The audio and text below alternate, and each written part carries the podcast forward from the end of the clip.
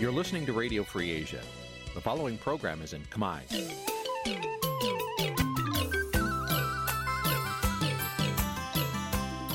នេះជាកម្មវិធីផ្សាយ Vuthu Azizi Serai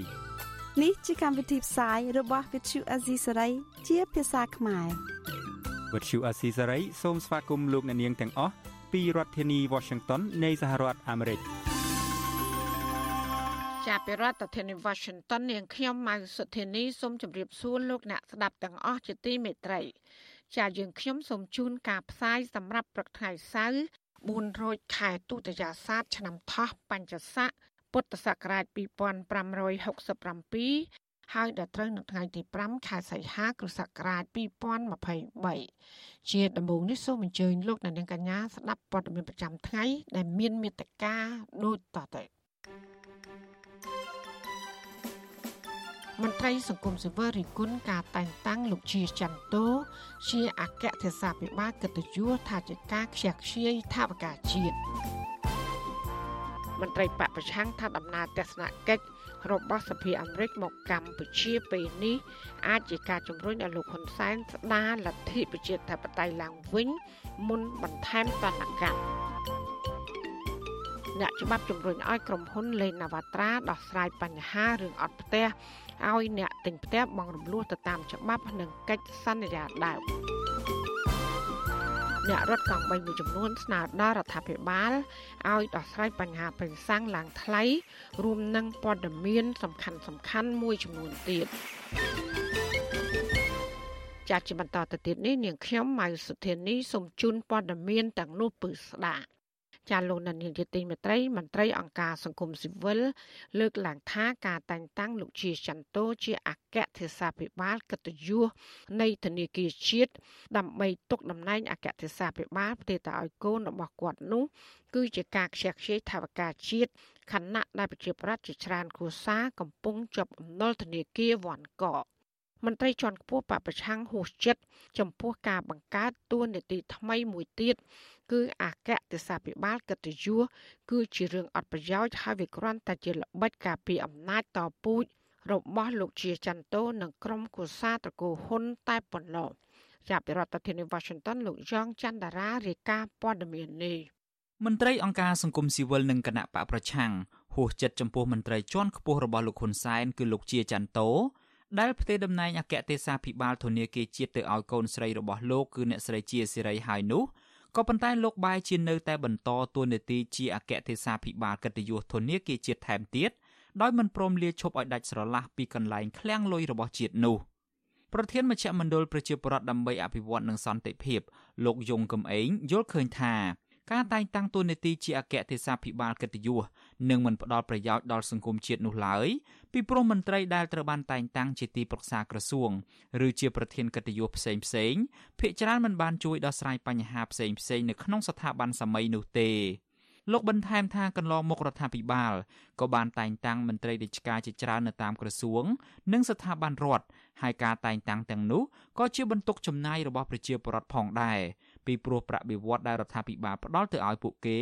គឺបានមកពីការបង់ពន្ធរបស់ប្រជាពលរដ្ឋជាសំខាន់ដែលយើងឃើញថា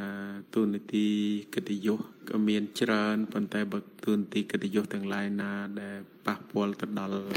ថាវិការជាតិទៅដល់អីនោះខ្ញុំថាវាអាចនឹងមានផលអវិជ្ជមានដែរបាទ ប្រតិកម្មរបស់មន្ត្រីអង្គការសង្គមស៊ីវិលបែបនេះធ្វើឡើងបន្ទាប់ពីព្រះមហាក្សត្រនរោត្តមសីហមុនី កាលពីថ្ងៃទី29កក្កដាបានចេញព្រះរាជក្រឹត្យតែងតាំងលោកជាចន្ទោជាអគ្គទេសាភិបាលកិត្តិយសធនាគារជាតិនៃកម្ពុជា ដែលមានឋានៈស្មើទេសរដ្ឋមន្ត្រីលោកជាចន្ទោបានកាន់តំណែងជាអគ្គទេសាភិបាលធនាគារជាតិនៃកម្ពុជាចាប់តាំងពីឆ្នាំ1998មកពលគឺមានរយៈពេល25ឆ្នាំហើយ ក្រោយពីគ្រប់គ្រងឃ្លាំងលុយជាតិយូរជាងគេនៅក្នុងប្រវត្តិសាស្ត្រហើយនោះលោកជាចន្ទោក៏បានប្រគល់តំណែងរបស់លោកនេះទៅឲ្យកូនស្រីរបស់លោកគឺអ្នកស្រីជាសេរីកាលពីថ្ងៃទី29កក្កដាក៏ប៉ុន្តែលោកមិនទៅណាឆ្ងាយនោះទេមន្ត្រីគណៈបកប្រឆាំងនិងមន្ត្រីអង្គការសង្គមស៊ីវិលក៏បានរិះគន់ការតែងតាំងអ្នកស្រីជាសេរីឲ្យធ្វើជាអគ្គទេសាភិបាលនៃធនាគារជាតិជំនួសតំណែងឪពុកនេះផងដែរពួកគេចាត់ទុកការតែងតាំងដោយសារតែខ្សែស្រឡាយបកពួកនិយមនេះ ថាកំពុងនាំឲ្យកម្ពុជាដើរទៅរកសម័យអតីតកាលដ៏អន់ថយវិទ្យុអាស៊ីសេរីមិនអាចតាក់ទងអ្នកស្រីជាសេរីដើម្បីសុំការបកស្រាយជុំវិញរឿងនេះបាននៅឡើយទេ នៅថ្ងៃទី4ខែសីហាដោយទូរស័ព្ទចូលតែពុំមានអ្នកទទួលក៏ប៉ុន្តែអ្នកនាំពាក្យគណៈបកប្រជាជនកម្ពុជាលោកសុកអេសានថ្លែងថាការតែងតាំងលោកជាចន្ទោ ជាប្រធានអគ្គទេសាភិបាលកិត្តិយសធនាគារជាតិនៃកម្ពុជានេះគឺដើម្បីនៅជួយការងារកូនស្រីរបស់លោក ដែលមិនទាន់មានបទពិសោធន៍ការងារគ្រប់គ្រាន់ជំទាវជាសេរីនេះគាត់នៅវ័យក្មេងអញ្ចឹងគាត់មិនទាន់មានពិសោធន៍ជ្រៅជ្រះនៅឡើយទេទោះបីថាគាត់ចូលធ្វើការនៅធនាគារនឹងយូរឆ្នាំក៏ពិតមែនក៏ប៉ុន្តែឋានៈដឹកនាំវ័យចាស់ហ្នឹងมันអាចបដែតបដោយបានទេព្រោះរឿងហ្នឹងពាក់ព័ន្ធរឿងលុយកាក់ត្រូវតែប្រយ័ត្នប្រយែង ជុំវិញរឿងនេះអតីតសមាជិកសភាគណៈបកសង្គ្រោះជាតិលោកអ៊ុំសំអាន បានលើកឡើងនៅក្នុងទំព័រ Facebook របស់លោកថាលោកហួសចិត្តនឹងចាត់ទុកការតែងតាំងអគ្គទេសាភិបាលកិត្តិយសនៃធនាគារជាតិនេះគឺជារឿងដែលគួរឲ្យអស់សំណើចពីព្រោះតំណែងនេះគឺជាការតែងតាំងលើកទី1នៅក្នុងប្រវត្តិសាស្ត្រធនាគារជាតិនៃកម្ពុជាលោកបន្ថែមនៅក្នុងន័យចំអកថា លោកហ៊ុនសែនប្រហែលជាចង់ក្លាយជានាយករដ្ឋមន្ត្រីកិត្តិយសដែរហើយបានជាលោកតែងតាំងលោកជាចន្ទោដែលជាឪពុកទៅជាអគ្គទេសាភិបាលកិត្តិយសខណៈកូនស្រីត្រូវបានតែងតាំងជាអគ្គទេសាភិបាលធនាគារជាតិនៃកម្ពុជាហើយនោះអ្នកវិភាគនយោបាយលើកឡើងថាការតែងតាំងឪពុកឲ្យនៅចាំជួយកូនរបស់ខ្លួនបែបនេះឆ្លុះបញ្ចាំងឲ្យឃើញកាន់តែច្បាស់ថា កូនកូនរបស់មន្ត្រីក្រាក់ក្រាក់នៃគណៈបកប្រជាជនកម្ពុជាដែលត្រូវបានតែងតាំងជំនួសឪពុកម្ដាយរបស់ពួកគេនោះមិនទាន់មានសមត្ថភាពគ្រប់គ្រាន់ដើម្បីគ្រប់គ្រងស្ថាប័ននិងទួនាទីដែលត្រូវបានតែងតាំងនោះឡើយមន្ត្រីអង្គការសង្គមស៊ីវិលលើកឡើងទៀតថាការតែងតាំងឪពុកម្ដាយឲ្យនៅកាងការពីអំណាចកូនកូនរបស់ខ្លួនបែបនេះមិនត្រឹមតែនាំឲ្យខ្ជះខ្ជាយថវិកាជាតិដែលបានមកពីការបង់ពន្ធរបស់ប្រជាពលរដ្ឋតែប៉ុណ្ណោះទេ ក៏ប៉ុន្តែវាក៏ធ្វើឲ្យមន្ត្រីដែលមានសមត្ថភាពពិតប្រាកដបាត់បង់ឱកាសទទួលបានតំណែងកម្ពូលកម្ពូលដើម្បីដឹកនាំស្ថាប័នជាតិផងដែរខ្ញុំយ៉ងច័ន្ទដារាវិទ្យុអាស៊ីសេរី Washington ចាលោកនាយកជាទីមេត្រីមន្ត្រីបពប្រឆាំងនិងអ្នកវិភាគយល់ឃើញដូចគ្នាថាដំណើរទស្សនកិច្ចរបស់សមាជិកសភាអាមេរិកមួយក្រុមមកកម្ពុជានៅពេលនេះ គឺជាការបញ្ជាក់និងផ្ដល់ឱកាសចុងក្រោយឲ្យកម្ពុជា ស្ដារលទ្ធិប្រជាធិបតេយ្យនិងការគោរពសិទ្ធិមនុស្សឡើងវិញ មុនពេលដែលសហរដ្ឋអាមេរិកសម្រេចជាផ្លូវការដាក់ទណ្ឌកម្មធ្ងន់ធ្ងរមកលើរដ្ឋាភិបាល ដែលដឹកនាំដោយលោកហ៊ុនសែននិងកូនប្រុសលោកហ៊ុនម៉ាណែត ឯកអគ្គរដ្ឋទូតសហរដ្ឋអាមេរិកប្រចាំកម្ពុជា លោក Patrick Murphy បានមហោសារក្នុងប្រព័ន្ធ Twitter កាលពីថ្ងៃទី3ខែសីហា បញ្ជាក់ពីដំណើរទស្សនកិច្ចរបស់សមាជិកសភាអាមេរិកមួយក្រុម ដែលមានគ្នា8នាក់មកកាន់កម្ពុជា ដឹកនាំដោយប្រធានគណៈកម្មាធិការរបៀបនិងមជ្ឈបាយនៃសភាអាមេរិកលោក Jason Smith តំណាងរាស្ត្រមកពីគណៈបកសាធារណរដ្ឋ លោក Patrick Murphy គ្រាន់តែបញ្ជាក់ថាគណៈកម្មាធិការរបៀបនិងមធ្យោបាយនៃសភាអាមេរិកបានដើរតួនាទីសំខាន់ស្ដីពីបញ្ហាពាណិជ្ជកម្មនិងពន្ធក៏ប៉ុន្តែលោកមិនបានលើកឡើងពីគោលបំណងរបស់ក្រុមសមាជិកសភាទាំងនោះ ដែលធ្វើដំណើរមកកម្ពុជានោះឡើយលោក Patrick Murphy ក៏បានបង្ហោះរូបភាព4សន្លឹកគឺរូបភាពនៅពេលដែលលោកទៅទទួលស្វាគមន៍ក្រុមតំណាងរាស្ត្រទាំងនោះនៅពលានយន្តហោះអន្តរជាតិភ្នំពេញ និងរូបថតរបស់ក្រុមសមាជិកសភាទាំងនោះទៅជួបពិភាក្សាជាមួយរដ្ឋមន្ត្រីក្រសួងពាណិជ្ជកម្មលោកប៉ាន់សូរស័ក្តិកាលពីថ្ងៃទី2ខែសីហាក្នុងជំនួបជាមួយក្រុមសមាជិកសភាអាមេរិករដ្ឋមន្ត្រីក្រសួងពាណិជ្ជកម្មលោកប៉ាន់សូរស័ក្តិស្នើសុំឲ្យសភាអាមេរិកបន្តឡើងវិញនៅការអនុគ្រោះពន្ធ GSP សម្រាប់ទំនិញសម្លៀកបំពាក់ស្បែកជើងនិងទំនិញធ្វើដំណើរជាដើម ដើម្បីពង្រឹងកិច្ចសហប្រតិបត្តិការពាណិជ្ជកម្មរវាងប្រទេសទាំងពីរឡើងវិញជុំវិញបញ្ហានេះអ្នកនាំពាក្យស្ថានទូតអាមេរិកប្រចាំកម្ពុជាអ្នកស្រី Amparo Garcia ថ្លែងប្រាប់បច្ចុប្បន្នស៊ីស្រីតាមសារអេឡិចត្រូនិកនៅថ្ងៃទី4ខែសីហាថាការអនុគ្រោះពន្ធ GSP បានផុតកំណត់តាំងពីថ្ងៃទី31ខែធ្នូឆ្នាំ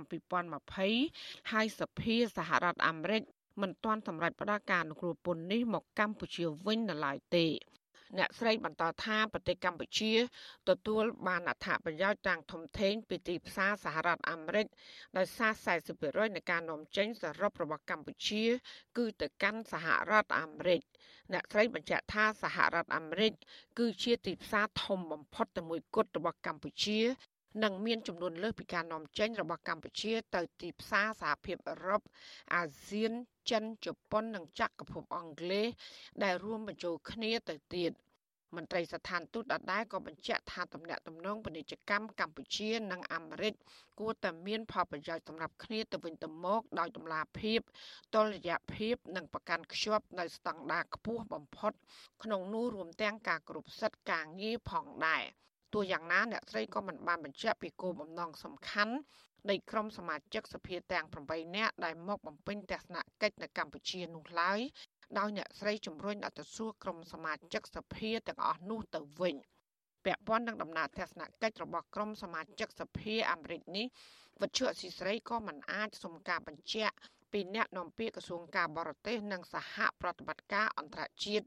លោកអានសុខខឿននិងប្រធាន អង្គភិបអ្នកនាំពាក្យរដ្ឋាភិបាលលោកផៃសិផាន បាននៅឡើយទេនៅថ្ងៃទី4ខែសីហា អតីតតំណាងរាជគណៈបក្សសង្គ្រោះជាតិលោកអ៊ុំសំអាន ប្រាប់វិទ្យុស៊ីស្រីនៅថ្ងៃទី4ខែសីហា ថាមូលហេតុក្រុមសមាជិកសភាអាមេរិកទាំងនេះធ្វើដំណើរមកកម្ពុជាពីព្រោះចង់មកស៊ីផ្ទុងពីគោលជំហរកម្ពុជាលើកចុងក្រោយមុនពេលដែលសហរដ្ឋអាមេរិកសម្រាប់ដាក់ទណ្ឌកម្មធ្ងន់ធ្ងរលើរបបដឹកនាំរបស់លោកហ៊ុនសែននិងកូនប្រុសរបស់លោកគឺលោកហ៊ុនម៉ាណែត បាទខ្ញុំយល់ថាដំណើរទស្សនកិច្ចនេះគឺដើម្បីមកស្ទាបស្ទង់ឬក៏គេចង់ឲ្យកម្ពុជានឹងងាកមកផ្លូវប្រជាធិបតេយ្យមុននឹងគេដាក់ទណ្ឌកម្មណាព្រោះអាមេរិកមុននឹងដាក់ទណ្ឌកម្មឯមួយគឺគេទុកផ្លូវឲ្យប្រទេសផ្ដាច់ការឬប្រទេសដែលរំលោភសិទ្ធិមនុស្សនឹងកែប្រែក្នុងរយៈពេលប្រមាណប្រមាណអញ្ចឹងណាដំណើរទស្សនកិច្ចរបស់ក្រុមសមាជិកសភាអាមេរិកទាំងនេះកើតឡើងបន្ទាប់ពីមន្ត្រីនាំពាក្យក្រសួងការបរទេសអាមេរិក ប្រកាសឲ្យដឹងកាលពីថ្ងៃទី25ខែកក្កដាពីការសម្រេចផ្អាកការផ្ដល់ជំនួយកម្មវិធីអភិវឌ្ឍកម្ពុជា ក្នុងមួយឆ្នាំ18លានដុល្លារនិងអាចបន្តទៅឆ្នាំខាងមុខខាងមុខទៀតរួមទាំងការរដ្ឋបិទទិដ្ឋាការឬវីសាសម្រាប់មន្ត្រីរដ្ឋាភិបាលកម្ពុជា ដើម្បីឆ្លើយតបទៅនឹងការបោះឆ្នោតជ្រើសតាំងតំណាងរាស្ត្រកាលពីថ្ងៃទី23ខែកក្កដាដែលសហរដ្ឋអាមេរិកចាត់ទុកថាមិនសេរីនិងយុត្តិធម៌ម៌រួមទាំងការធ្វើទុកបុកម្នេញគ្រប់រូបភាពលើមន្ត្រីសង្គមស៊ីវិលសកម្មជនបពប្រឆាំងតាមរយៈការចាប់ប្រកាន់ដែលមានចរិតនយោបាយជាពិសេសការឃុំខ្លួនខុសច្បាប់កញ្ញាសេងធីរីមេធាវីអន្តរជាតិនិងជាសកម្មជនសិទ្ធិមនុស្សខ្មែរអាមេរិកាំងហើយនឹងការរារាំងមិនអោយគណៈបកភ្លើងទៀនអាចចូលរួមការបោះឆ្នោតជាដើមអ្នកវិភាគនយោបាយលោកកឹមសុខ ចាត់ទុកដំណើរទស្សនកិច្ចរបស់ក្រុមសមាជិកសភាអាមេរិកទាំងនោះ ថាជាការធ្វើនយោបាយបែបការទូតចង្អៀតដែលមិនបានផ្សព្វផ្សាយពីរបៀបវារៈនៃការមកបំពេញទស្សនកិច្ចឲ្យបានជាក់លាក់នោះឡើយគឺគ្រាន់តែមកនិយាយចំចំពីអ្វីដែលសហរដ្ឋអាមេរិកចង់បាន ទៅកាន់ក្រុមមន្ត្រីរដ្ឋាភិបាលលោកហ៊ុនសែនមុនពេលសភាអាមេរិក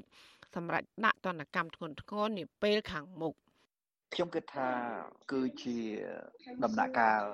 ការផ្ដល់ជំរឿសចុងក្រោយដល់រដ្ឋាភិបាលថ្មីតែខុសច្បាប់ហើយកើតពីការបោះឆ្នោតខុសច្បាប់ហ្នឹងណាវាជានយោបាយការទូតចង្អៀតមួយ គេមិនបង្ហាញនៅ agenda របៀបវិរៈឲ្យច្បាស់លាស់ទេណាហើយរបៀបការទូតចង្អៀតហ្នឹងគឺគេនិយាយចំចំតែម្ដងថាអាមេរិកត្រូវការអ្វីត្រូវការឲ្យរដ្ឋាភិបាលកែប្រែអ្វីខ្លះដើម្បីរក្សាទំនាក់ទំនងល្អជាមួយគ្នាវិញ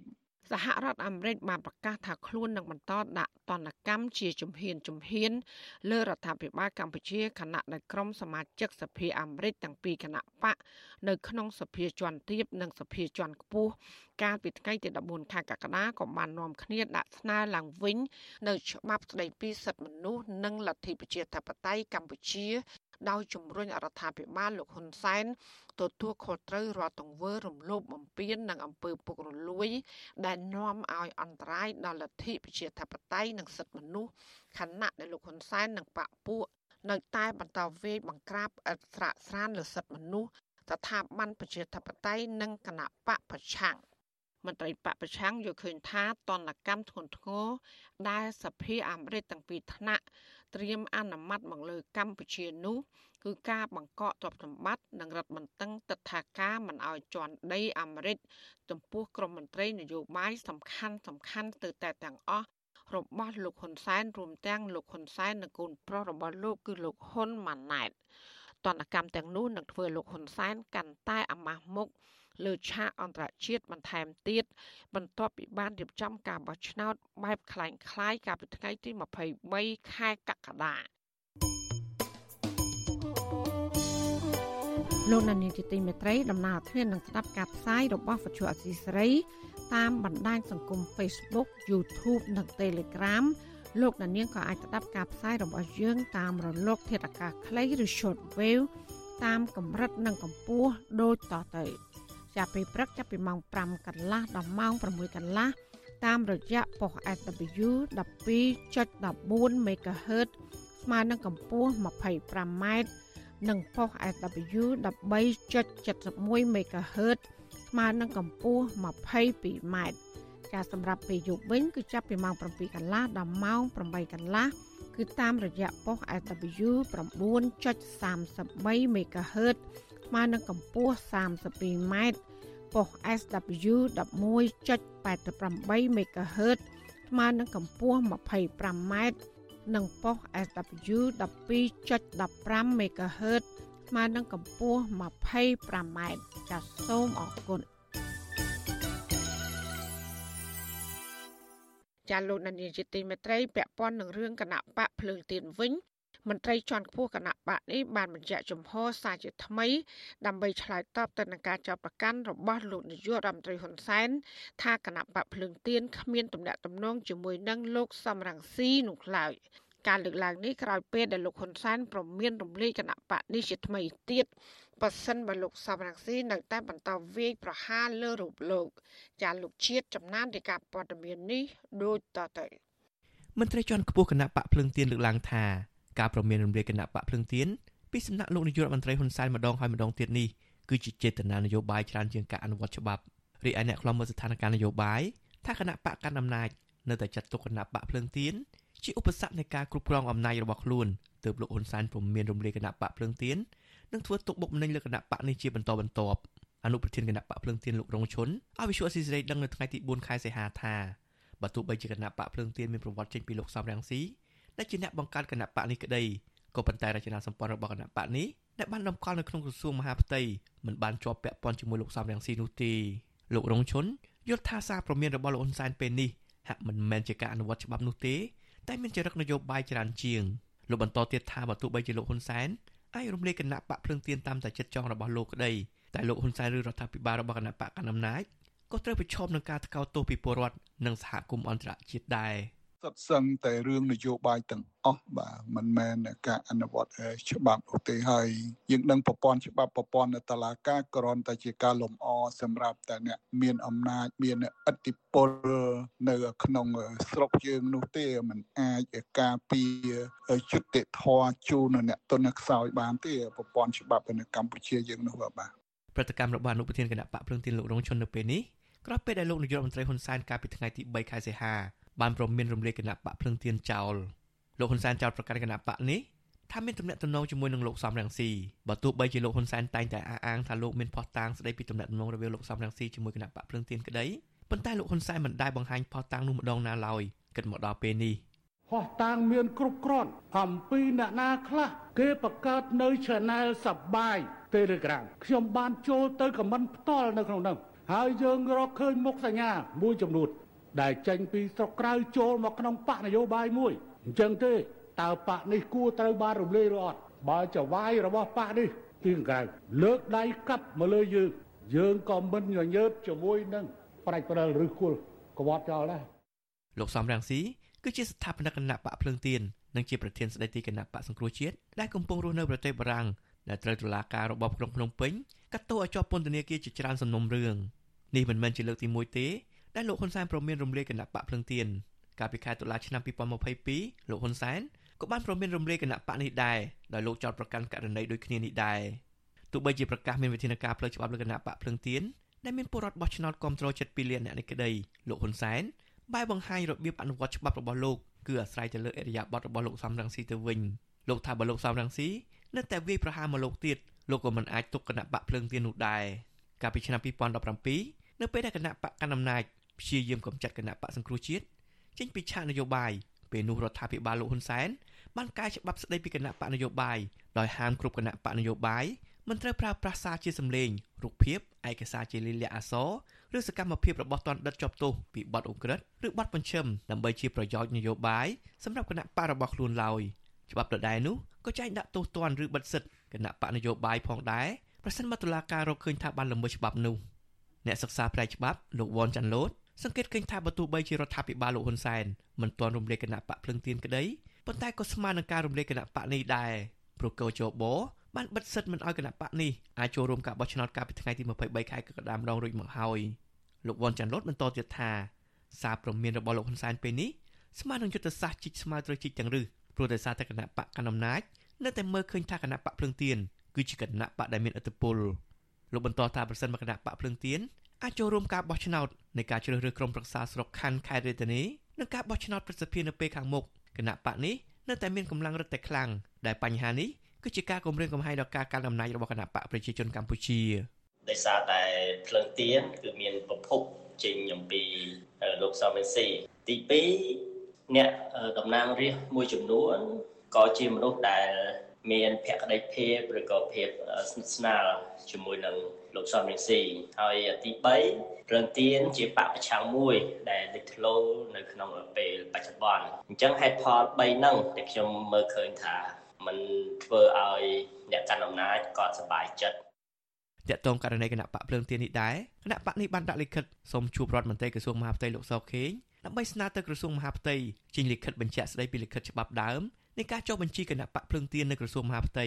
ប៉ុន្តែលោកសខេងមិនព្រមជួបនោះទេ លោករងឈុន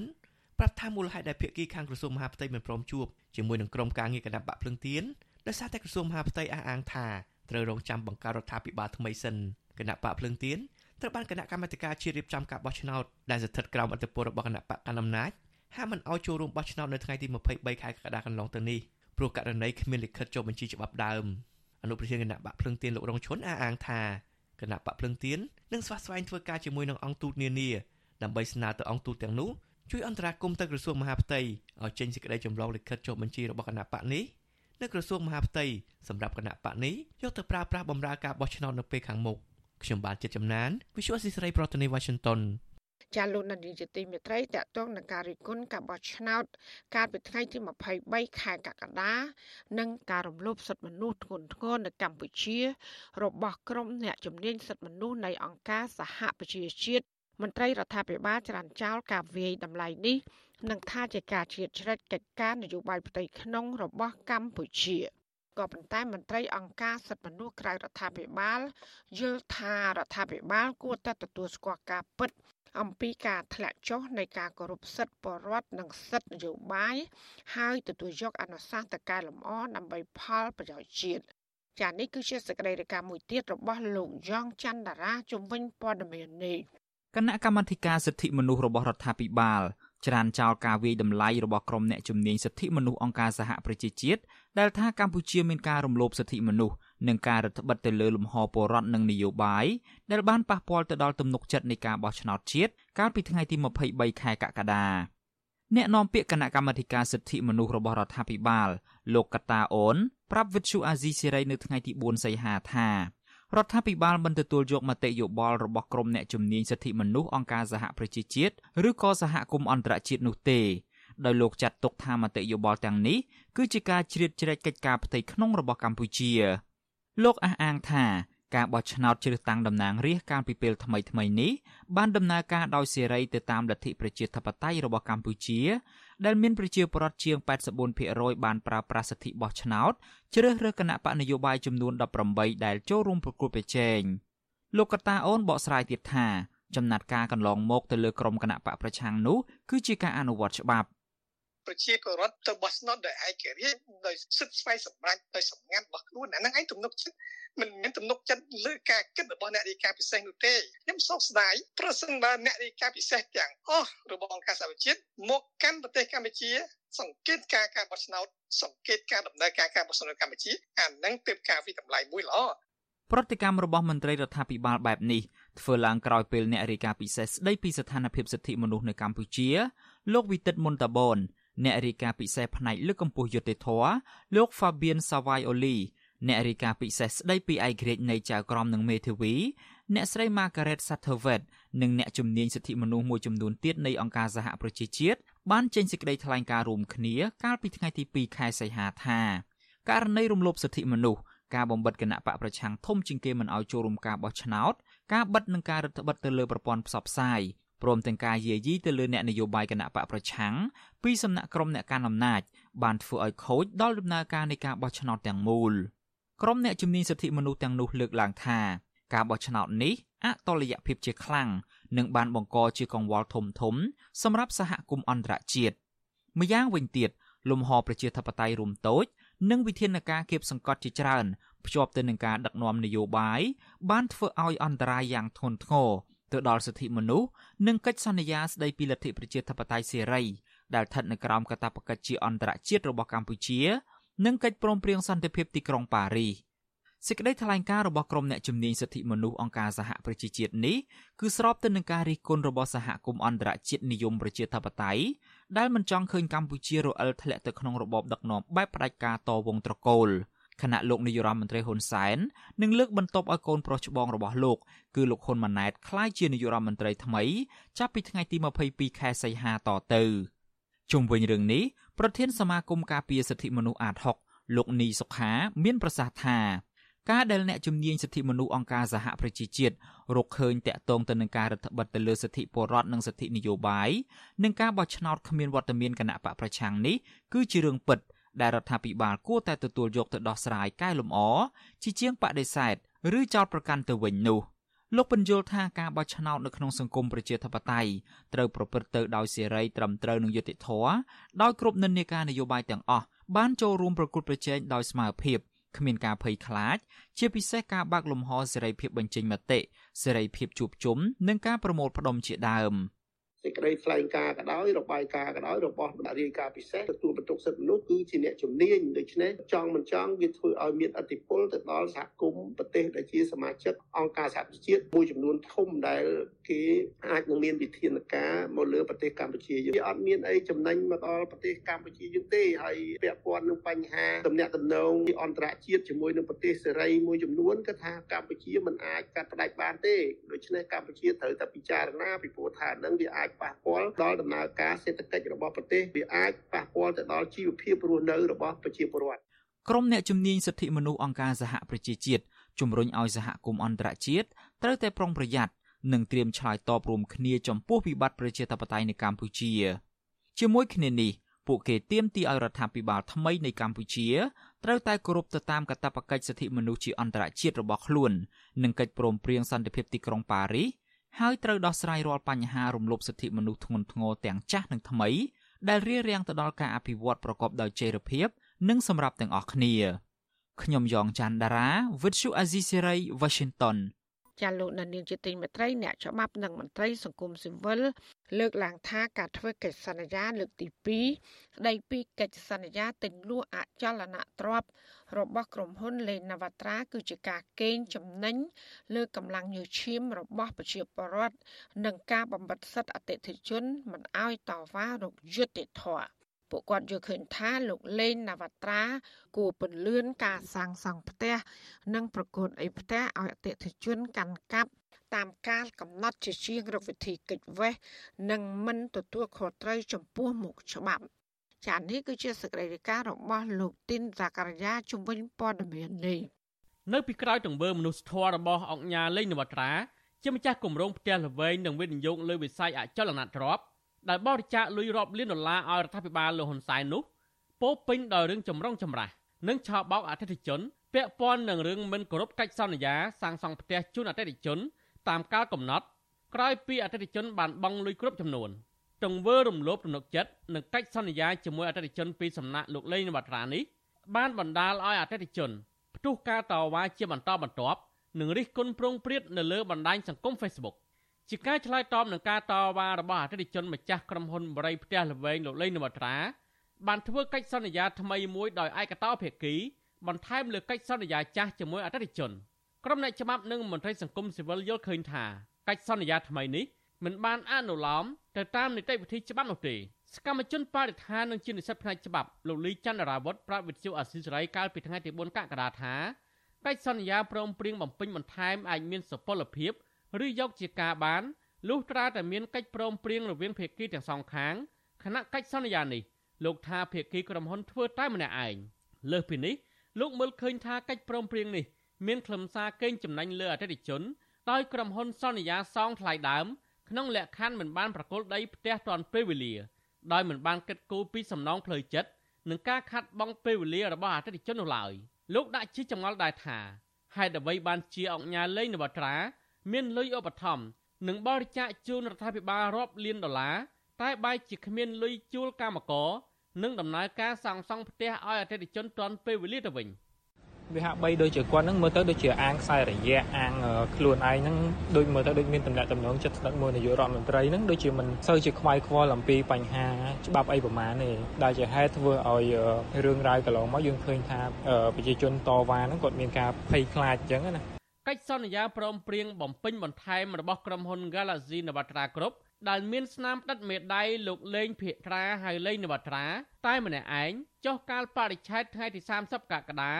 បានចែងពីលក្ខខណ្ឌព្រមព្រៀងចំនួន5ចំណុចដោយសុំបន្តការសាងសង់និងប្រគល់បានបំបែកក្បាលដីឲ្យអតិថិជន ក្នុងរយៈពេល36ខែឬស្មើនឹង3ឆ្នាំទី2ក្រុមហ៊ុនអាចបញ្ចប់ការសាងសង់មុនកាលកំណត់បើសិនជាស្ថានភាពសេដ្ឋកិច្ចល្អ ទី3ក្រុមហ៊ុនសន្យាប្រគល់ប្រាក់ដើមឲ្យអតិថិជនវិញបើសិនជាធ្វើមិនបានតាមកាលកំណត់ចំណុចផ្សេងទៀតនៃកិច្ចសន្យានោះលោកលេងនវត្រាថែមទាំងហាមអតិថិជនមិនឲ្យធ្វើសកម្មភាពនិងផ្សព្វផ្សាយរឿងអវិជ្ជមាននានាពីក្រុមហ៊ុនដែលនាំឲ្យប៉ះពាល់ដល់កេរ្តិ៍ឈ្មោះនិងផលប្រយោជន៍របស់ក្រុមហ៊ុនថែមទៀតផងកិច្ចសន្យាថ្មីនេះលោកលេងនវត្រាគិតតែពីផលប្រយោជន៍និងកេរ្តិ៍ឈ្មោះក្រុមហ៊ុនផ្ទាល់ខ្លួនតែប៉ុណ្ណោះប៉ុន្តែ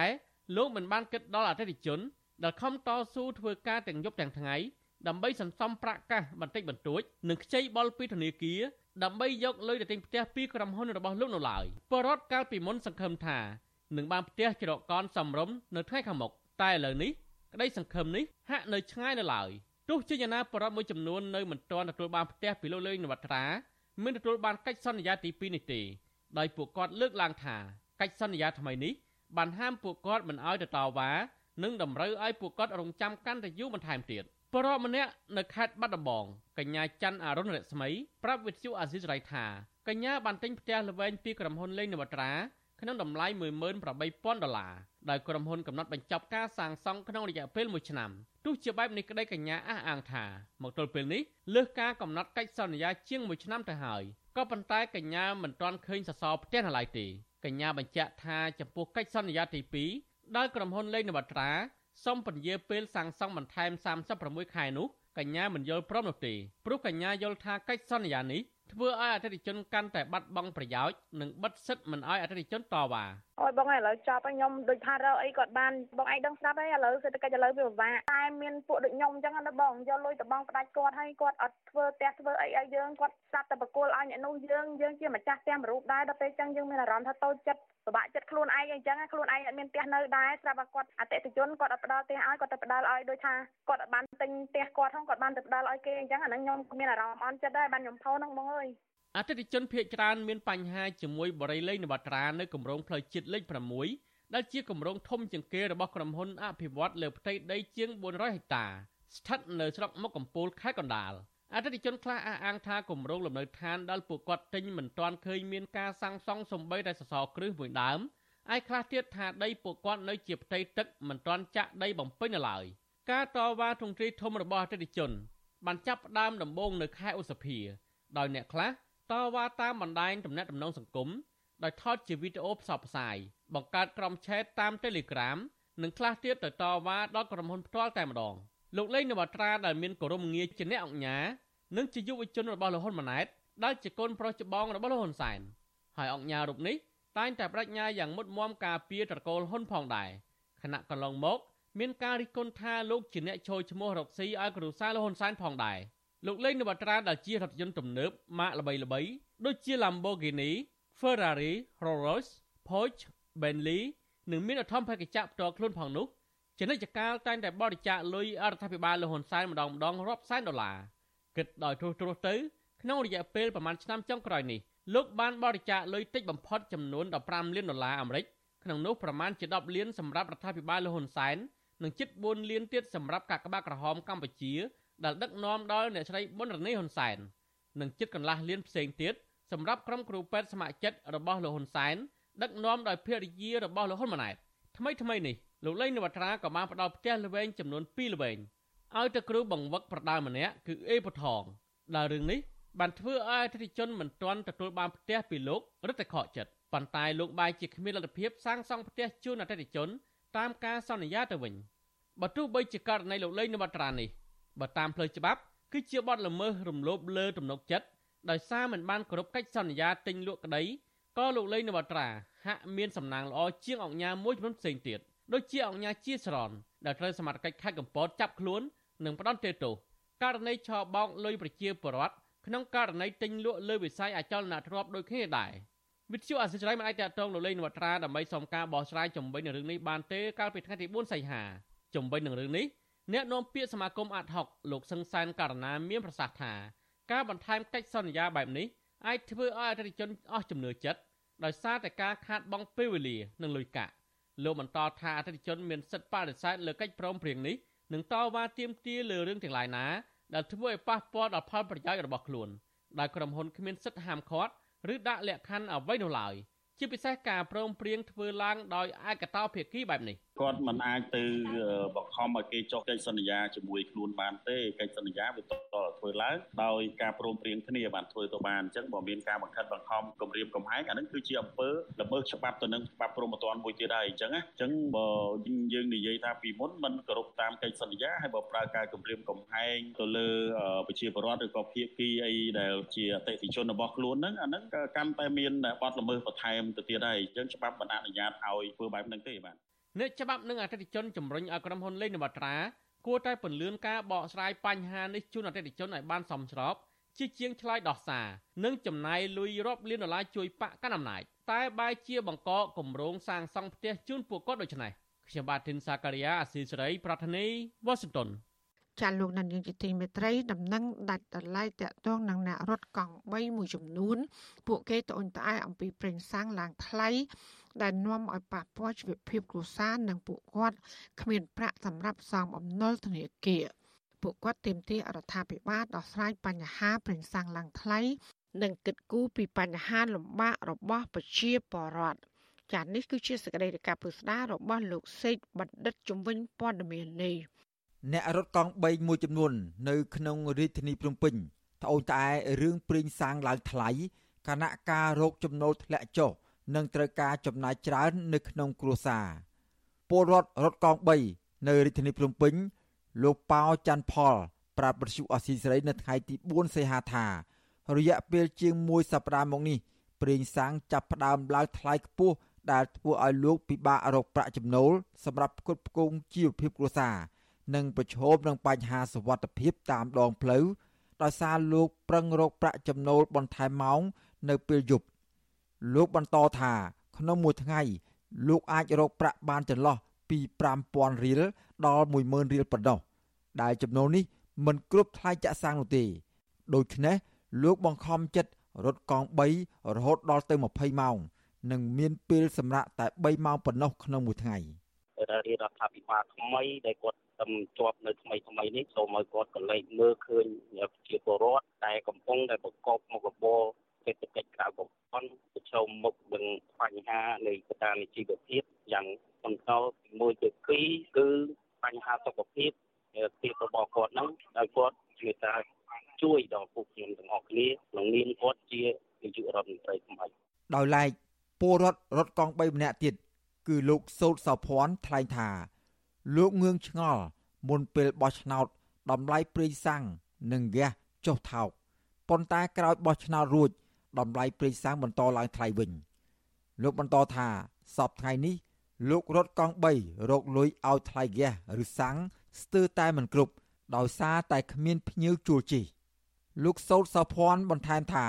ដោយសាររកប្រាក់ចំណូលពុំសូវបាន ដូច្នេះលោកត្រូវកាត់បន្ថយថ្លៃអាហារហូបចុក ដោយហូបតែពេលថ្ងៃត្រង់មួយពេលប៉ុណ្ណោះនិងនៅពេលយប់ត្រូវដេកនៅលើកង់3 ប៉ះពាល់ខ្ញុំមួយថ្ងៃកូនរៀនដល់3ហើយអញ្ចឹងទៅគឺខ្ញុំច្រើនមួយថ្ងៃទាំងមហាទាំងហូបចាយកូនខ្ញុំទៅបាត់ទៀតដល់វាមួយថ្ងៃអស់40000ទាំងថ្លៃមហូបកូនខ្ញុំផ្សេងថ្លៃរៀនកូនខ្ញុំ3នាក់ផ្សេងអ្នកខ្លះគាត់ថាយកខ្ចីបងមលោះគេទៅដើម្បីថាយើងរត់ទៅបានលុយដល់បងគេទៅឥឡូវរកអត់បានចេះតែគិតថាវាចូលធ្វើការវិញទៅប្រាក់ខែ2 300វាសល់តែមហូបអាហារយើងវាថ្លៃទៅគាត់ទៅបាយមួយពេលអស់6 7000ដែរ រីឯអ្នករត់កង់3ម្នាក់ទៀតគឺលោកស្រីសុវណ្ណវ៉ារីត្អូញត្អែថាលោកស្រីមានជំងឺក្រពះដោយសារហូបអាហារមិនគ្រប់គ្រាន់ និងចាយវាយត្បិតត្បៀតដើម្បីសន្សំទុកសងបំណុលធនាគារដែលលោកស្រីខ្ចីលុយមកទិញកង់3លោកស្រីរំពឹងថានាយករដ្ឋមន្ត្រីថ្មីនឹងដោះស្រាយបញ្ហាអស់ទាំងនេះជូនដល់ពលរដ្ឋប៉ុន្តែមិនទាន់បានឡើងកាន់តំណែងផងប្រេងសាំងឡើងថ្លៃ និងទំនិញគ្រប់សពសារពើក៏ឡើងថ្លៃដែរ។ អូខ្ញុំមានរត់សងពេលខ្លះសងតភ្លឺបងអើយពេលតែស្ងាត់ពេកទៅមួយយ៉ាងនោះស្ងាត់ទៅម៉ោង1ម៉ោង2ខ្ញុំចូលផ្ទះកូនកាតគេងនៅលើកង់3អង្គុយឆ្កក់ចាំមើលអេបរ៉ូអញ្ចឹងទៅបានបានដឹកទៅអត់មានអេបទៅស្ងាត់ពេកទៅអត់ល្ងុយអត់កម្លាំងក៏ចូលផ្ទះទៅរត់ដល់ម៉ោង1ម៉ោង2យកអីចង្កោ3ភ្លឺក៏មានដែរយើងព្យាយាមទៅតើវាក្នុងមួយយប់យប់រកបានអត់បើថ្ងៃស្ងាត់តែរົບយប់ឡើងមានអ្នកគេដើរលេងដើរអីចឹងណាហើយយប់ឡើងក៏ស្ងាត់ស្ងាត់ដូចគ្នារលុយអីបានប្រតិកម្មរបស់ពលរដ្ឋពីនេះគឺបន្ទាប់ពីក្រសួងពាណិជ្ជកម្ម បានប្រកាសថា ចាប់ពីថ្ងៃទី1ដល់ថ្ងៃទី10ខែសីហាតម្លៃប្រេងឥន្ធនៈបន្តឡើងថ្លៃរហូតទៅដល់4500រៀលក្នុង1លីត្រសម្រាប់ប្រេងសាំងធម្មតា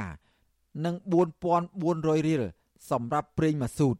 តម្លៃនេះ បើធៀបទៅនឹងខែកក្កដាពលគឺឡើងចំនួន7500រៀលក្នុង1លីត្រប៉ុន្តែក្រសួងមិនបានបង្ហាញតម្លៃប្រេងសាំងប្រភេទស៊ូពែទេ តែជាក់ស្ដែងសាំងប្រភេទនេះ ក៏ឡើងថ្លៃដែរគឺឡើងជាង5000រៀលក្នុង1លីត្រជុំវិញបញ្ហាប្រេងសាំងឡើងថ្លៃនេះវិទ្យុអាស៊ីសេរីនៅពុំទាន់អាចតកតងแนะនាំពាក្យក្រសួងពាណិជ្ជកម្មលោកសៀងថៃនិងแนะនាំពាក្យក្រសួងសេដ្ឋកិច្ចនិងរញ្ញវត្ថុលោកមាសសុកសេនសាន ដើម្បីសូមអត្ថាធិប្បាយជុំវិញរឿងនេះបានទេ កាលពីថ្ងៃទី4សីហាតើទៅនឹងបញ្ហានេះ ប្រធានសមាគមប្រជាធិបតេយ្យនៃសេដ្ឋកិច្ចក្រៅប្រព័ន្ធលោកវ៉ាន់ពៅក៏សម្គាល់ឃើញថារដ្ឋាភិបាលហាក់ខ្វាយខ្វល់ចំពោះរឿងពលរដ្ឋតែនៅមុនពេលបោះឆ្នោតប៉ុណ្ណោះក្រោយចប់ការបោះឆ្នោតរដ្ឋាភិបាលបានទុកពលរដ្ឋចោលដែលធ្វើឲ្យអ្នកប្រកបមុខរបរសេដ្ឋកិច្ចក្រៅប្រព័ន្ធប៉ះពាល់ដល់ជីវភាពធ្ងន់ធ្ងរលោកព្រួយបារម្ភថាបញ្ហាប្រេងសាំងឡើងថ្លៃនេះបង្កឲ្យអាជីវករអ្នករត់កង់3 កាន់តែធ្លាក់ក្នុងបន្ទាត់ក្រីក្របន្ថែមទៀតជាពិសេសបញ្ហាសុខភាពព្រោះរដ្ឋាភិបាលមិនបានផ្ដល់សេវាគាំពារសុខភាពលើពួកគាត់នោះទេ ខ្ញុំគិតថាដើម្បីជួយសម្រួលដល់ជីវភាពប្រជាពលរដ្ឋក្នុងអន្តរការនេះគឺរដ្ឋាភិបាលបច្ចុប្បន្នគួរតែ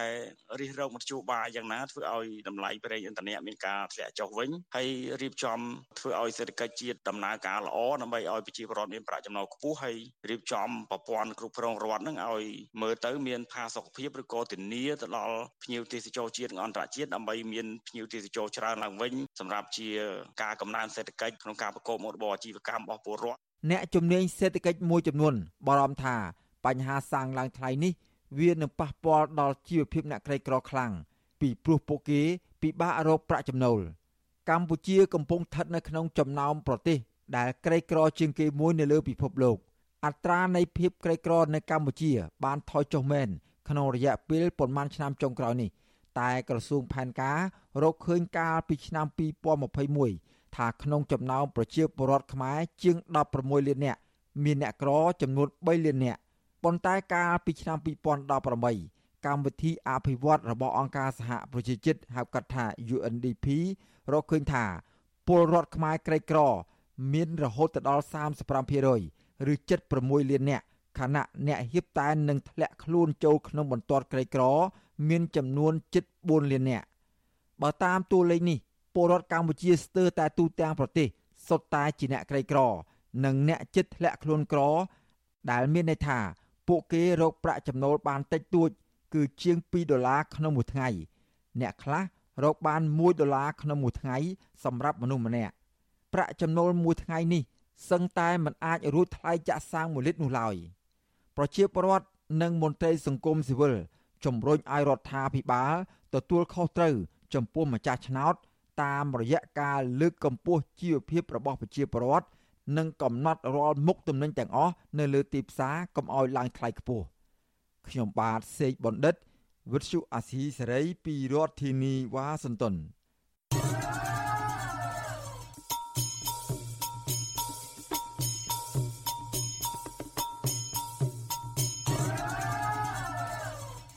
ចាលោកនាងជាទីមេត្រីនៅឯខេត្តសៀមរាបអនុវិញ លាងជប់ទឹកជាង20កន្លែងនៅតំបន់ឧទ្យានជាតិភ្នំគូលែនដែលក្រសួងបរិស្ថានទ្រព្យសន្យាថានឹងថែរក្សាឲ្យបានត្រឹមត្រូវកំពុងប្រឈមការរំលោភបំពានឲ្យស្ងាត់ស្ងាត់ពីសំណាក់ក្រុមអ្នកមានលុយនិងមានអំណាចចាប្រជាប្រដ្ឋស្នើឲ្យក្រសួងបរិស្ថាន ការពារតំបន់ធម្មជាតិ ជាប្រវត្តិសាស្ត្រដ៏មានតម្លៃនេះឲ្យបានគង់វង្សដើម្បីទុកជាប្រយោជន៍រួមរបស់ជាតិនិងផ្គត់ផ្គង់ការប្រើប្រាស់ទឹកជូនដល់ប្រជាពលរដ្ឋនៅទូទាំងខេត្តចាលោកជាតិចំណានមានសេចក្តីរាយការណ៍មួយទៀតជំវិញព័ត៌មាននេះលាងជប់ទឹកជាង20កន្លែងស្ថិតនៅក្នុងឧទ្យានជាតិភ្នំកូលែនក្នុងខេត្តសៀមរាបដែលក្រសួងកំណត់ជាតំបន់ការពារធម្មជាតិអាជ្ញាធរនៅតែមិនមានភាពច្បាស់លាស់អភិរក្សឲ្យគង់វង្សនៅឡើយទេមកដល់ពេលនេះ ពលរដ្ឋនៅខេត្តសៀមរាបនិងជាសកម្មជនការពារបរិស្ថានអំពាវនាវឲ្យរដ្ឋមន្ត្រីក្រសួងបរិស្ថានលោកសៃសំអាលរកមធ្យោបាយការពារលាងធម្មជាតិទាំងនេះឲ្យថិតថេរដើម្បីរក្សានិរន្តរភាពបរិស្ថានធម្មជាតិផ្គត់ផ្គង់ទឹកសម្រាប់មនុស្សសត្វរុក្ខជាតិនិងទាញទឹកធ្វើកសិកម្មជាដើមការលើកឡើងនេះក្រោយពីរដ្ឋមន្ត្រីក្រសួងបរិស្ថានលោកសៃសំអាលកាលពីថ្ងៃទី2ខែសីហាបានធ្វើដំណើរទៅខេត្តសៀមរាបដើម្បីសម្ពោធទីស្នាក់ការឧទ្យានុរក្សនិងផ្ទះស្នាក់កេសរគោលនៅឧទ្យានជាតិភ្នំកូលែនខេត្តសៀមរាប លោកសៃសំអាលបានថ្លែងថាក្រសួងនឹងរៀបចំឧទ្យានជាតិឲ្យមានសន្តិភាពនិងរៀបរយតាមរយៈការកសាងហេដ្ឋារចនាសម្ព័ន្ធដើម្បីបង្កើនប្រសិទ្ធភាពនៃការគ្រប់គ្រង ការពារនិងអភិរក្សធនធានធម្មជាតិនិងជីវៈចម្រុះលើកកម្ពស់ការសិក្សាស្រាវជ្រាវការថែរក្សាសម្បត្តិធម្មជាតិបម្រើវិស័យទេសចរផ្សារភ្ជាប់ទៅនឹងទឹកដីរួមទាំងការលើកកម្ពស់សេដ្ឋកិច្ចមូលដ្ឋានរបស់ប្រជាពលរដ្ឋជាដើមពលរដ្ឋរស់នៅតំបន់ភ្នំកូលែនខេត្តសៀមរាបថ្លែងសុំមិនបញ្ចេញឈ្មោះប្រាប់វិសុអាស៊ីសេរីថាក្រសួងបរិស្ថាននឹងមិនទាន់រៀបចំមជ្ឈិនជាតិនេះ ឲ្យមានសន្តិភាពនៅឡើយទេពលគឺអ្នកមានលុយមានអំណាចនៅតែអាចរំលោភបំពានលាងទឹកជប់មួយចំនួននិងធ្វើសំណង់រឹងរាំងខ្ទប់ទឹកអូរធម្មជាតិនៅតំបន់ភ្នំកូលែនជាបន្តបន្ទាប់លោកថាសម្បត្តិធម្មជាតិខឿនប្រាសាទបុរាណនៅលើខ្នងភ្នំកូលែន លាងជប់ទឹកនិងព្រៃឈើនៅតែប្រឈមការគម្រាមកំហែងនៅថ្ងៃអនាគតអាដីមុនទឹកជប់គីមក្រោយលក់គេទៅគិតដូចថាគិតធ្វើពើតពើតយោមកថាធ្វើសិនធ្វើសិននេះដាក់លបងថ្មជីគឺគីអីគេដូចថាមុនគេហាមគាត់ចូលគីមកាលគេដកហូតតាមពូចិត្តបើយើងទុកឲ្យវាតាមធម្មជាតិវាតែគេព្រៃឈើគឺគាត់ដោយ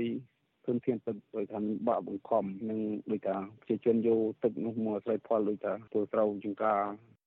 កាលពីខែកក្កដាកន្លងទៅអាជ្ញាធរខេត្តសៀមរាប បានចុះហាមឃាត់អ្នកមានអំណាចម្នាក់សង់សំណង់រឹងនិងរបងរាំងខ្ទប់ទឹកអូរធម្មជាតិមួយកន្លែងស្ថិតនៅក្នុងតំបន់ឧទ្យានជាតិភ្នំកូលែននៅឃុំត្បែងស្រុកបន្ទាយស្រី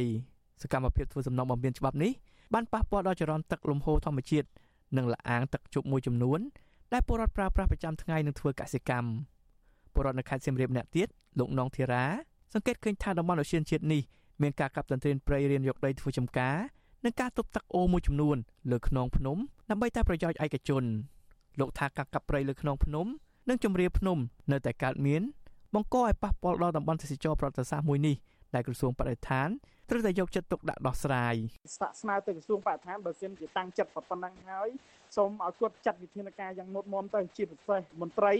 ណាដែលឬក៏ជាពលរដ្ឋណាដែលគាត់កាងនៅតំបន់ជុំវិញទឹកហ្នឹងគឺឲ្យគាត់មានដំណើរការផ្លូវច្បាប់ឲ្យឲ្យមែនតែនទៅអាហ្នឹងខ្ញុំមានជំនឿហើយអាចនឹងការពារបានប៉ុន្តែបើសិនជាធ្វើលំលំដែលកន្លងមកហ្នឹងគឺខ្ញុំមានជំនឿទេការបំផ្លាញព្រៃឈើអីហ្នឹងគឺមានជំនឿតិចតិចមែនតើកន្លងទៅរដ្ឋលេខាធិការនិងជាអ្នកនាំពាក្យក្រសួងបរិស្ថានលោកណេតភត្រា សន្យាថាក្រសួងនឹងការពារតំបន់នោះឲ្យគង់វង្សដោយថែទាំព្រៃឈើនិងដាំកូនឈើឡើងវិញដើម្បីការពារប្រភពទឹកឲ្យផ្ដល់ជូនពលរដ្ឋសម្រាប់ប្រើប្រាស់ជុំវិញនៅខេត្តសៀមរាបគឺប្រភពទឹកពីភ្នំកលែនការពារប្រភពទឹកដើម្បី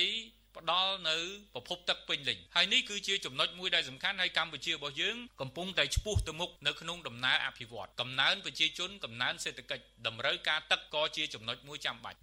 លាងជប់ទឹកភ្នំកលែន រួមមានជប់ទឹកស្រះដំរីជប់ទឹកខ្នាពោជប់ទឹកអន្លង់ខៀវតំបន់ជប់ទឹកវាស្រែនិងលាងជប់ទឹកអន្លង់មាសជាដើមដែលមានទឹកផុសចេញពីក្រោមដីគ្រប់រដូវកាលហូរឆ្ពោះទៅស្ទឹងសៀមរាបបឹងនិងអូរជាច្រើនកន្លែងតម្រង់មកខ្សែទឹកខាងក្រោមដែលអំណោយផលល្អប្រសើរដល់ប្រជាពលរដ្ឋជាច្រើនពាន់គ្រួសារដែលទាញយកទឹកនោះមកប្រើប្រាស់ធ្វើកសិកម្មគ្រប់រដូវមិនចេះរីងស្ងួតជាពិសេសតាក់ទាញភ្ញៀវទេសចរនិងបង្កើតប្រព័ន្ធអេកូឡូស៊ីជាដើម ជុំវិញរឿងនេះសកម្មជនការពារបរិស្ថានលោកធុនរដ្ឋាដែលចុះអង្កេតរឿងនេះថ្លែងថាក្រសួងបរិស្ថានមានភាពចន្លោះប្រហោងជាច្រើនក្នុងការគ្រប់គ្រងបរិស្ថានធម្មជាតិនៅតំបន់អូសៀនជាតិនេះលើពីនេះលោកថាការអនុវត្តច្បាប់ដ៏ធូររលុងនឹងមានការលាក់បាំងជាប្រព័ន្ធពីបញ្ហាប្រឈមមួយចំនួនទាក់ទងទៅនឹងការបំផ្លាញទុនធានធម្មជាតិនៅតំបន់នេះទៀតផង ចង់មានអំណាចធំប៉ុណ្ណាក៏ដោយបើសិនជាក្រសួងបរិស្ថានបង្ហាញពីឆន្ទៈក្នុងការដោះស្រាយឲ្យតែមានករណីរំលោភទ្រព្យសម្បត្តិទាំងអស់ហ្នឹងមែនគឺចាត់វិធានការបែប តឹងរឹងមែនតើមិនគួរយកយល់ហ្នឹងមិនថាអ្នកឯងត្រីរាជការអ្នកឯងមានលុយប៉ុណ្ណាក៏ដោយអញ្ចឹងគឺអាចធានាបានថាអ្វីដែលក្រសួងបរិស្ថានជាពិសេសរដ្ឋមន្ត្រីសន្យាហ្នឹងគឺជឿជាក់ធានាបានប៉ុន្តែបើគ្រាន់តែនិយាយហើយហើយវិធានការមិនសូវមានការរឹតបន្តឹងឬគុនទេខ្ញុំថានេះគ្រាន់តែជាការសន្យាយកមុខយកមាត់ភូតភោកុហកឯងឧស្សាហជាតិប្របាទជ័យវរ្ម័នរោដមបានបង្កើតឡើងដោយបរិយាចក្រិតកាលពីឆ្នាំ1993មានផ្ទៃដីជាង37000ហិកតា គ្របដណ្ដប់លើភ្នំចំនួន3គឺភ្នំក្រឡេនភ្នំក្បាលស្ពាននិងភ្នំហប់ភ្នំនីមួយៗនៅក្នុងអូសៀនជាតិនេះមានតួនាទីជួយរក្សាលំនឹងបរិស្ថាននៅតំបន់អង្គរតាមរយៈការផ្ដល់ប្រភពទឹកនិងធនធានធម្មជាតិសម្បូរបែបរួមមានព្រៃឈើជីវៈចម្រុះនិងផ្ដល់អត្ថប្រយោជន៍ជាច្រើនជួយដល់ជីវភាពប្រជាជនរួមទាំងតម្លៃបរិស្ថានជាតិប្រវត្តិសាស្ត្រអូសៀនជាតិនេះមានទឹកជ្រោះជ្រលងភ្នំខ្ពង់រាបវត្តអារាមប្រាសាទបុរាណអាស្រមអ្នករសាសិលសត្វព្រៃ និងទីតាំងបុរាណស្ថានជាច្រើនកន្លែងតាក់ទាញភ្ញៀវទេសចរទៅកំសាន្តស្ថិតនៅក្នុងស្រុកចំនួន3គឺស្រុកស្វាយលើស្រុកបន្ទាយមានជ័យនិងស្រុកវ៉ារិនរាជអាប្រជាពលរដ្ឋជាច្រើនពាន់គ្រួសារបានសង់ទីលំនៅក្នុងឧស្សាហជាតិនេះជាច្រើនចំនួនមកហើយដោយប្រកបមុខរបរធ្វើកសិកម្មរកអនុផលព្រៃឈើនិងបម្រើវិស័យទេសចរជាដើមខ្ញុំបាទចិត្តចំណាន Visual ស៊ីស្រីប្រធានាទី Washington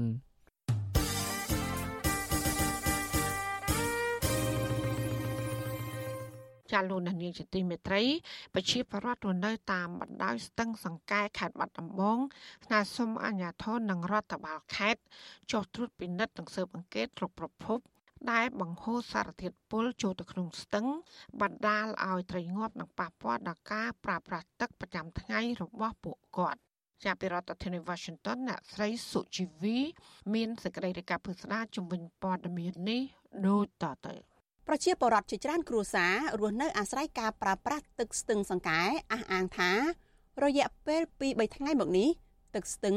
កំពុងរងការបំពុលដោយសារធាតុរាវពណ៌ខ្មៅម្យ៉ាងហូរមកពីស្រុករតនមណ្ឌល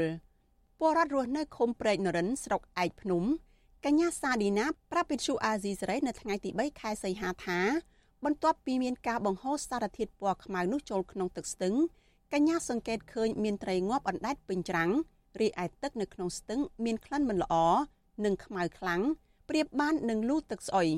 យ៉ាងណាកញ្ញាថានេះមិនមែនជាលើកទី1ទេដែលមានអ្នកបង្ហូរសារធាតុពុលចូលទៅក្នុងទឹកស្ទឹងដោយរាប់ឆ្នាំមកនេះពួកគេធ្វើបែបនេះនៅពេលទឹកឡើងគឺនៅក្នុងអំឡុងខែមិថុនាដល់ខែសីហាកញ្ញាបារម្ភថាការមិនអើពើរបស់អាជ្ញាធរដែលបន្តឲ្យជនទាំងនោះបំពុលទឹកស្ទឹង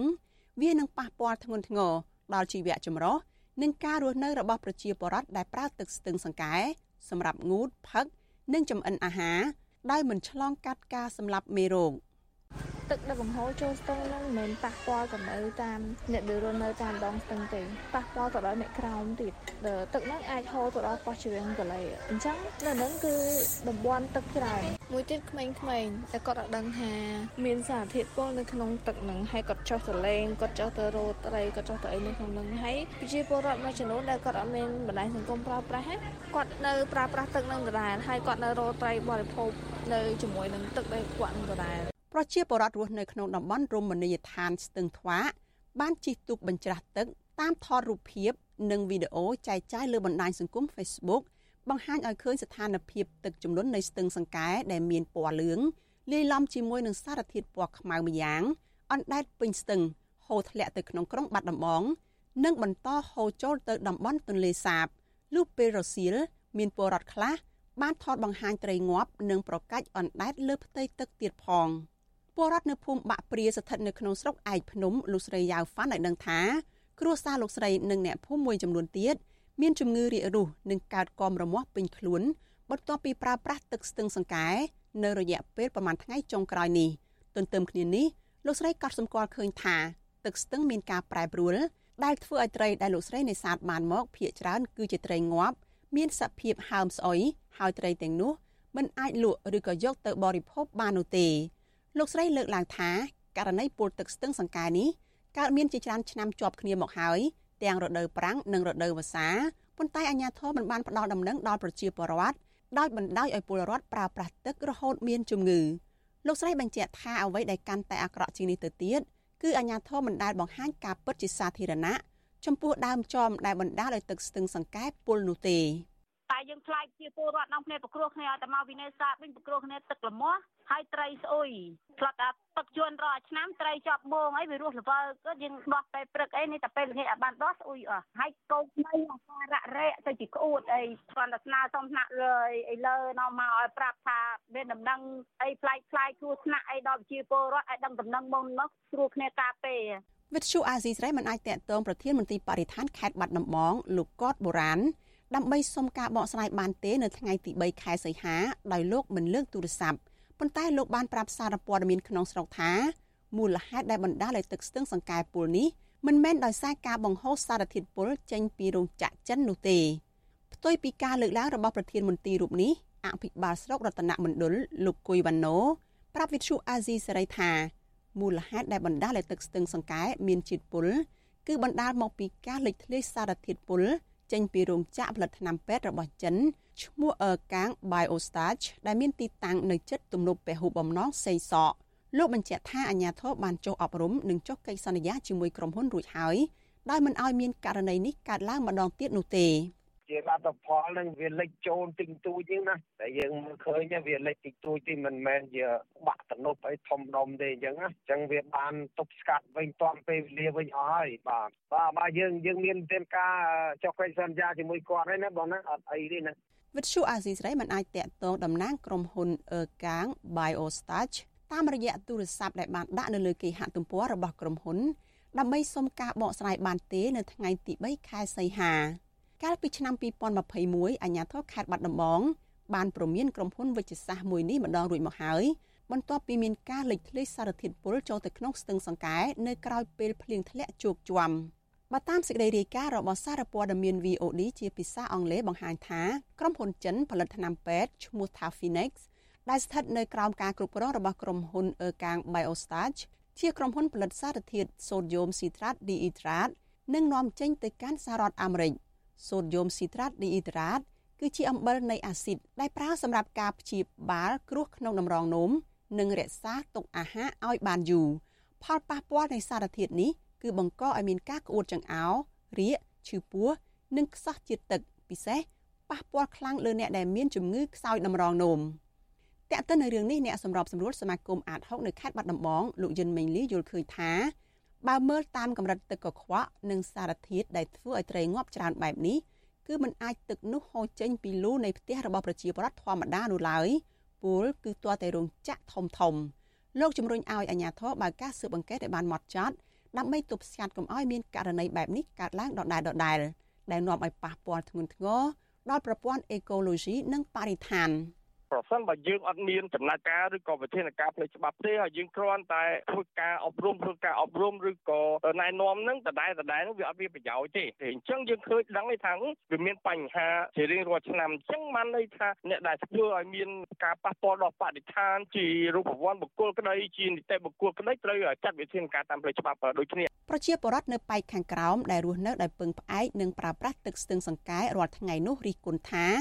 អញ្ញាធមមិនគួរឲ្យក្រុមហ៊ុនមកសាងសង់រោងចក្រនៅជាប់មាត់ស្ទឹង ជាពិសេសនៅប៉ែកខាងលើខ្សែទឹកហូរនោះទេ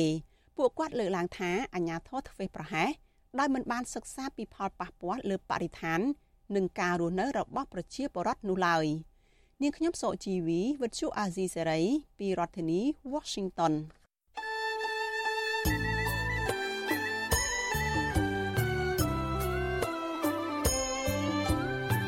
ចាលោកនាងកញ្ញាអ្នកស្ដាប់ជាទីមេត្រីកັບផ្សាយរយៈពេល1ម៉ោងនៃវិទ្យុអាស៊ីស្រីជាភាសាខ្មែរនៅពេលនេះចាប់តែប៉ុណ្ណេះចាយើងខ្ញុំទាំងអស់គ្នាសូមជូនពរលោកនាងព្រមទាំងក្រុមគូសាទាំងអស់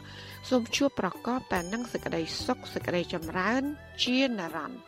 ចានាងខ្ញុំម៉ៃសុធានីព្រមទាំងក្រុមការងារទាំងអស់នៃវិទ្យុអសីស្រីសូមអរគុណនិងសូមជម្រាបលា